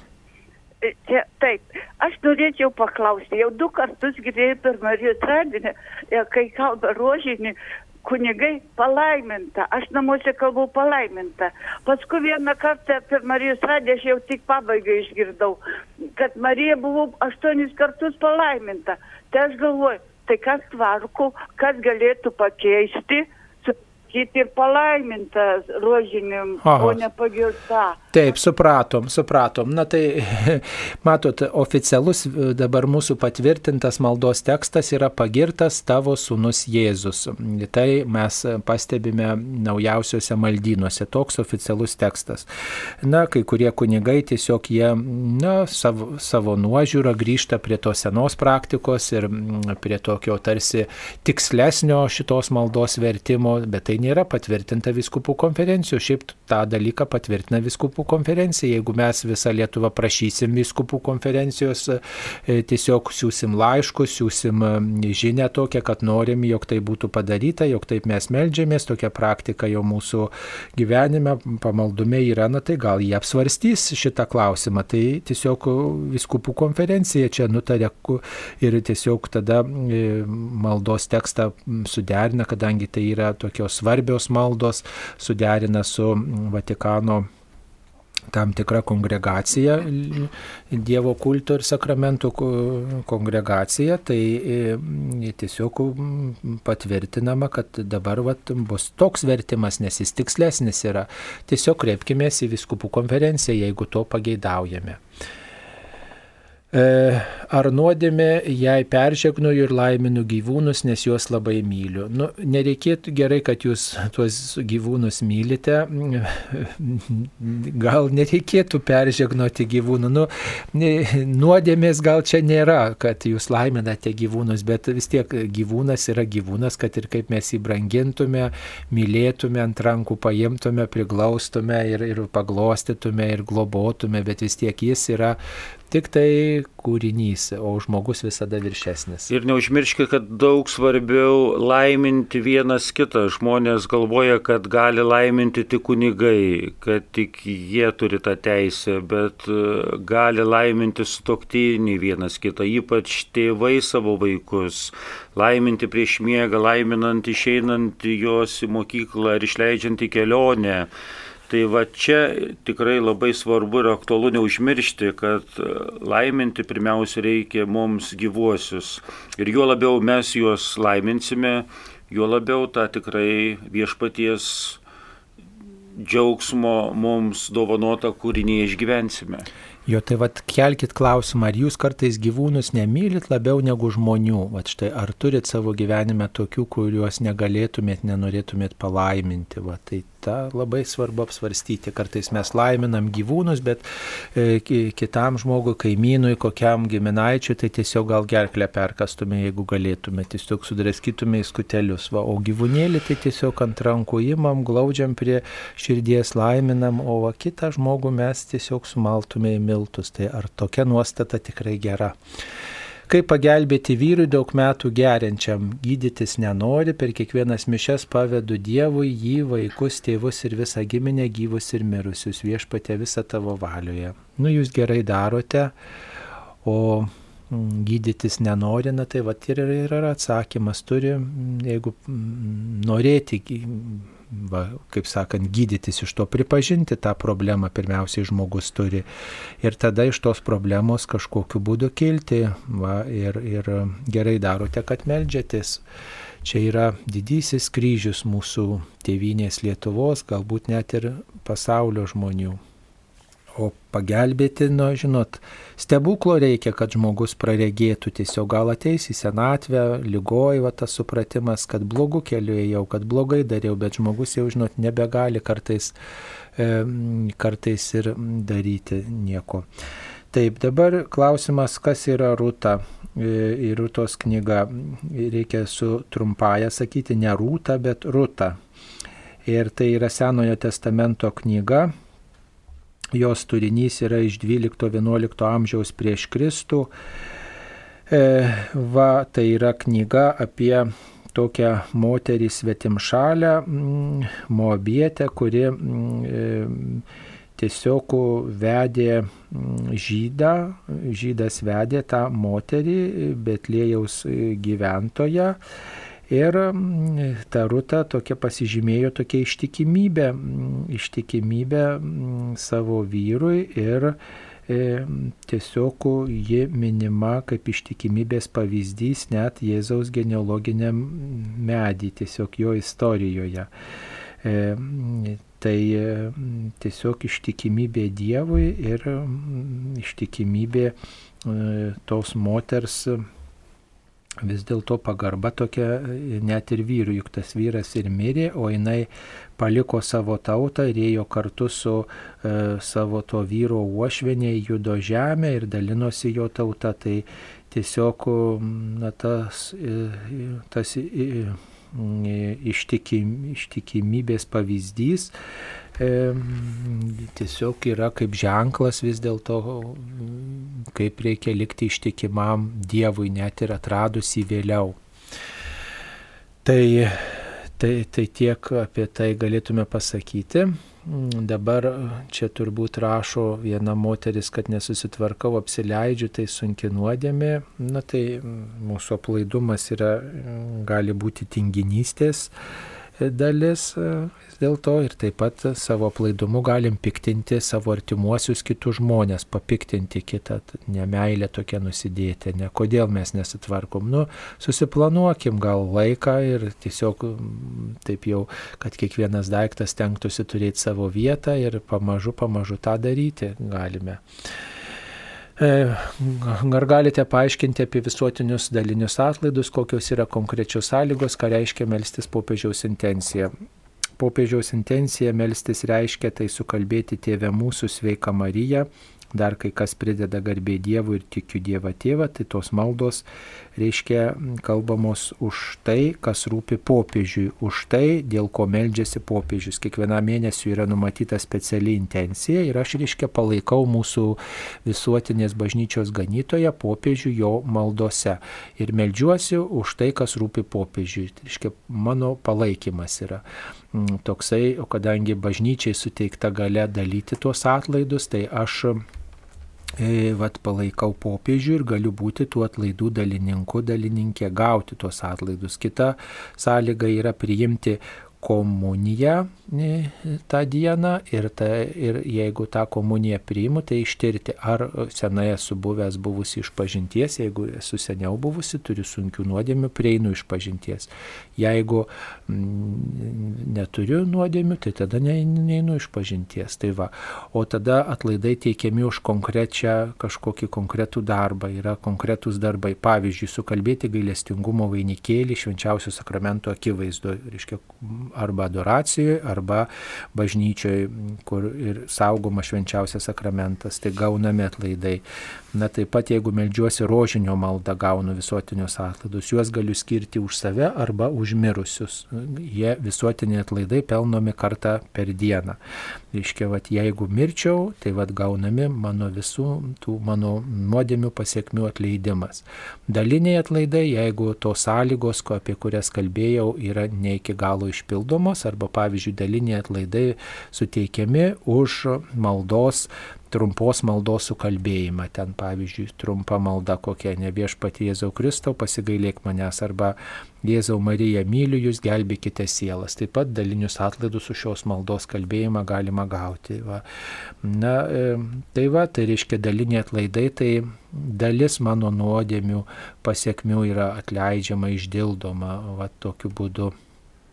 Taip pat atlaidai suteikiami už e, tam tikrom progom bažnyčios e, lankymą, reiškia, kai aš dalyvauju kažkokioje šventėje bažnyčioje atlaiduose, pavyzdžiui, Švento Petro ir Pauliaus atlaidai, ten Marijos Magdalenos atlaidai, ten Škaplėrinės atlaidai, reiškia, tai bažnyčiai tituliniai ar kiti atlaidai yra ir aš dalyvauju šventėje, melžiuosi kartu su visais ir jeigu atlieku visas kitas sąlygas, apie kurias minėjau, komunija išpažintis, malda popiežiaus intencijų, tuos atlaidus gaunu. Jeigu kažko neišpildau, gaunu tik tai dalinius atlaidus. Dalis mano nuodėmių pasiekmių yra atleidžiama mano nuodėmių pasiekmės čia yra, reiškia, kad dildomos. Kitaip sakant, pilnesnis tas įsiliejimas į, į, į tą tobulumą yra. Čia to, mūsų tobulumui to reikia. Taip, ir e, dar, dar viena žinutė Ar galiu melstis už kitą, juk mano geri linkėjimai kitam gal visai nereikalingi. Na, jūsų malda nepražūva, visų pirma, malda už kitą žmogų, tai yra mūsų santykios su kitu žmogumi e, puoselėjimas ir, ir mm, e, malda veltui nepraeina. Mūsų apskritai malda už kitą žmogų, net jeigu ir tam žmogui tos maldos nereikia, veltui nepraeina, tai yra tam tikra dvasinė pagalba ne tik jam, bet ir man pačiam. Malda už kitą tai nėra tik tai kitam pagalba, bet ir pagalba man pačiam, mano santykiui su juo ir su kitu žmogum. Tai yra daug daugiau negu kad mes galim apriepti. Malda ugdo tikėjimą ir malda tiesina santyki.